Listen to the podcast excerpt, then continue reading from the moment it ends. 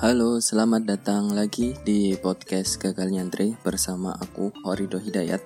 Di podcast ini aku pengen bahas tentang apa sih isi dari isai atau LKTI gitu. Atau kita bisa memberi judul bedah isai gitu ya.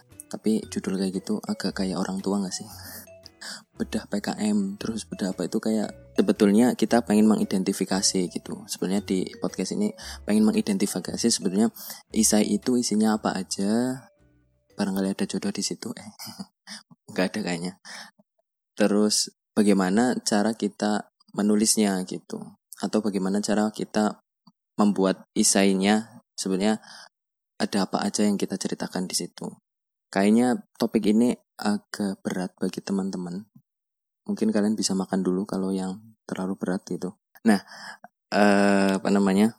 Ya, itu kita akan membahas tentang isai gitu. Tapi aku ngingetin lagi bahwa ini tuh bukan isai karena eh sorry bahwa kita membahas tentang isai bukan tentang LKTI. Kenapa? Karena aku selama dua tahun yang terakhir aktifnya di isai bukan di LKTI. Jadi teman-teman yang pengen belajar LKTI mungkin bisa mendengarin podcast ini dan ditambah referensi yang lain gitu. Tapi kalau kalian pengen mendengarkan tentang isai, ya dengerin ini sampai selesai gitu.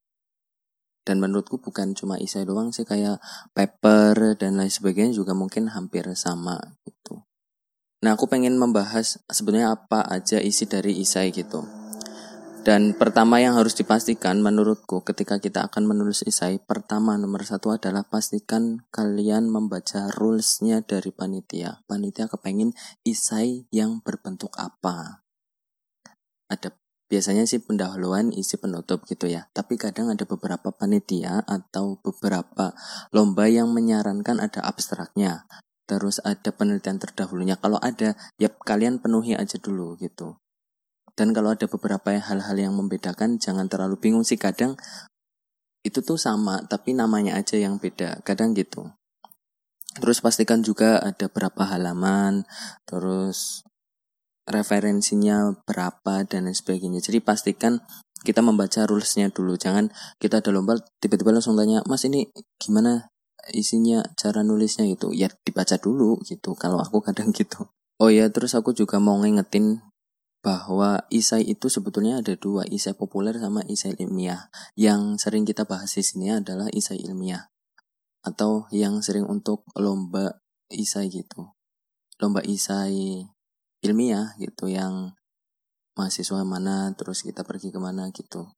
Ada satu lagi isai namanya isai populer. Nah, isai populer ini yang biasa kita lihat di koran-koran gitu. Misal di Tempo ada orang yang menulis um, tentang politik ekonomi atau tentang hiburan. Nah itu sebenarnya isai juga tapi isai populer. Atau misal memperingati hari ibu kita harus bagaimana refleksi lah kayak momen-momen refleksi. Nah itu sebetulnya isai juga. Kadang orang itu memberikan nama itu isai. Padahal apa nggak tahu. Karena kalau e, karya menguasai karena jenis-jenisnya banyak sebetulnya dan memusingkan. Mending di skip aja itu nah kita akan memulai dari pembukaan gitu. Karena tadi kita membagi isai sebagai ada tiga jen, ada tiga tahap pembukaan isi dan penutup. Kita akan memulai dari pembukaan. Pembukaan itu biasanya ada latar belakang.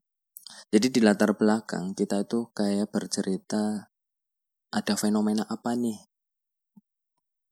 atau ada masalah apa di wilayah tertentu misalnya di pinggiran pantai di Semarang misalnya kayak gitu. Ada fenomena apa terus ada masalah apa gitu. Kalau misalnya aku pengen memberi contoh tuh misalnya uh, di satu desa di Malang misalnya ini ada satu perkebunan apel yang ketika apel itu berbuah atau masa panen apel, apel tuh harganya benar-benar murah turun 200% daripada sebelumnya. Jadi misalnya satu kilonya misalnya harganya berapa ya? 20 ribu satu kilo. Terus ternyata pas musim panen itu harganya terlalu murah dan merugikan petani karena 10 kilo per eh 10 kilo ribu per kilonya gitu. Nah ketika nggak musim panen eh mahal 20 ribu bahkan sampai 30 ribu. Nah itu kan harganya nggak stabil. Nah dari masalah itu kita bagaimana caranya untuk menginovasikan sebuah hal gitu. Tapi tapi kita juga mengidentifikasi kenapa harganya bisa kayak gini. Oh kan, karena ketika panen itu banyak apel jadinya murah. Ketika nggak musim panen hari, uh, apelnya sedikit jadinya mahal inflasi gitu ya. Nah, terus kita juga mengidentifikasi sebetulnya gagasan apa yang pernah dilakukan sebelumnya gitu. Misalnya ternyata di situ tuh dulu sudah diciptakan sebuah gudang gitu, gudang untuk apel.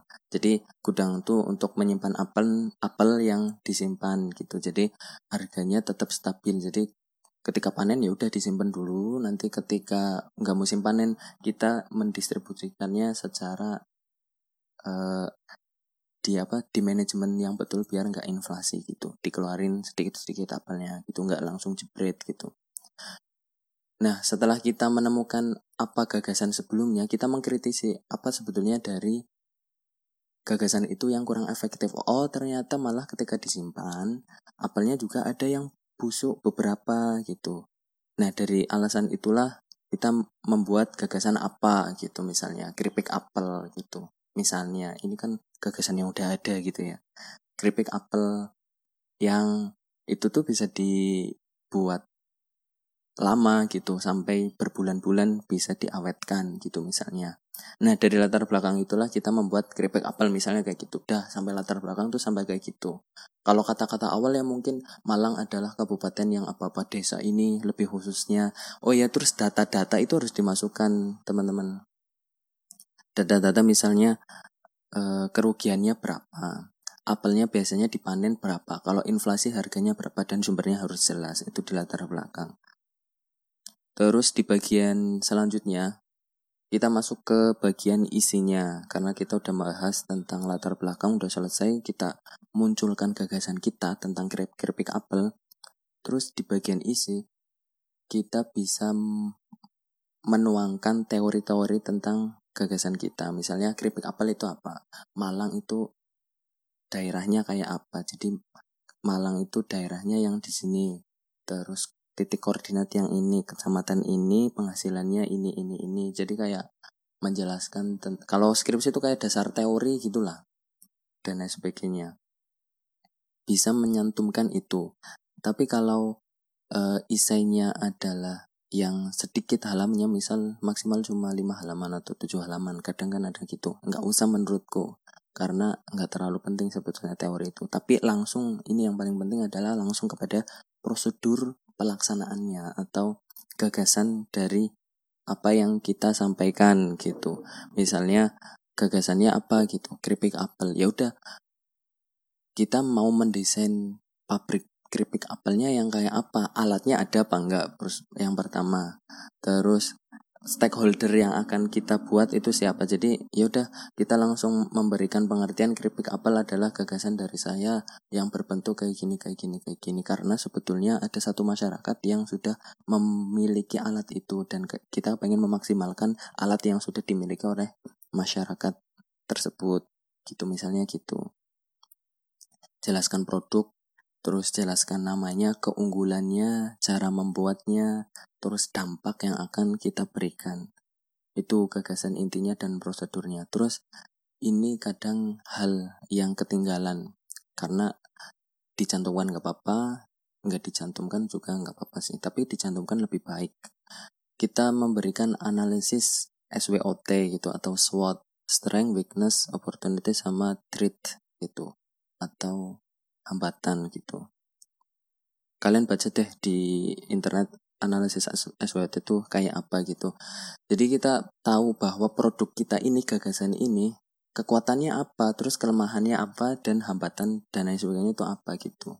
Jadi kita berpikir secara apa ya, secara lengkap bagaimana gagasan kita ini akan terlaksana. Terus juga timeline aku dapat ini dari trial dan error ketika dua tahun di karya tulis gitu. Ketika kita menyantumkan timeline, kita akan lebih terstruktur lagi. Oh, bulan ini kita targetnya kayak gini. Kita sudah mendapatkan rumah warga yang akan uh, kita kolaborasikan gitu misalnya. Terus bulan kedua ngapain? Bulan ketiga pemasaran misalnya. Bulan keempat ada apa. Jadi timeline itu menurutku sesuatu yang penting kalau isainya masih muat dicantumkan gitu itu di bagian isi kalau menurutku. Nggak usah terlalu banyak-banyak. Dan menurutku eh, kalian menulis menuliskannya juga harus runtut gitu. Enak dibaca gitu. Gimana caranya biar enak dibaca? Latihan gitu. Dulu aku juga ketika nulis yang nggak terstruktur gitu. Tapi ketika sudah terbiasa ya beberapa jadi terstruktur. Itu bagian tadi pembukaan terus bagian isi terus ada bagian penutup yang terakhir betul ya terakhir ya penutup. Jadi di bagian penutup kita mengulas lagi kenapa ide kita itu bisa menyelesaikan masalah yang ada di masyarakat. Itu pertanyaan yang harus dijawab. Kenapa ide ini harus dilaksanakan gitu? Kelebihannya apa emang? Dan kekurangannya juga perlu juga untuk disebutkan. Karena menurut beberapa beberapa orang yang profesional kalau kita tidak menyebutkan alasan kelemahan kita tidak menyebutkan kelemahan dari gagasan kita, jangan-jangan kamu nggak tahu kelemahannya apa gitu. Jadi ketika kita bisa menganalisis kelemahan ya berarti kita adalah orang yang adil dalam melihat sebuah gagasan dan pantas jadi juara. Widih, bahaya itu. Kenapa gagasanmu solve problem dan dirangkum sejelas mungkin? Kenapa ini bisa menyelesaikan sebuah masalah dan ya udah ditutup wassalamualaikum gitu atau gimana di bagian penutup. Terus daftar pustaka. Daftar pustaka ya ya biasa aja sih. Kadang nulis daftar pustakanya gimana mas? Pakai American Harvard atau apa? Kalau aku pakai apa ya yang biasa di makalah-makalah tugas akhir gitu loh. Nama daftar nama tahun dan lain sebagainya gitu nggak usah terlalu dipikir menurut kalau daftar pustaka. Yang penting adalah gagasan kita. Dan ini yang juga menurutku penting adalah ada gambarnya. Gambar dari prototipe atau gambaran dari skema yang akan kita buat. Tadi kan kita membuat masalah uh, keripik apel gitu ya. Kita tuh kayak membuat diagramnya. Pertama kita akan membuat komunitasnya dulu bersama masyarakat. Terus kita memasarkan terus apa. Jadi dibuat kayak gambar gitu loh kalau kalian membuat media pendidikan misalnya ya ada medianya gitu. Ada medianya ada gambarnya. Kalau kalian membuat mesin ya ada gambar mesinnya gitu. Jangan sampai gambar mesinnya ketinggalan. Kalau menurutku gambar itu menurutku sesuatu yang penting. Kalau nggak gambar minimal ada diagram. Diagram bagaimana kamu akan melaksanakan ide itu gitu. Mungkin itu dari bedah Isa yang bisa aku share Pasti ada banyak kekurangan dan mungkin kalian juga bisa menambahkan secara pribadi. Dan ini sekali lagi adalah isai bukan LKTI atau paper karena masing-masing berbeda. Tapi mungkin isai yang simpel ini juga bisa untuk menjadi dasar pemikiran untuk menulis LKTI atau paper atau skripsi. Eh, skripsi. Gitu misalnya. Mungkin itu dari aku untuk menulis isai. Selamat mencoba untuk menulis isai dan selamat berjuang.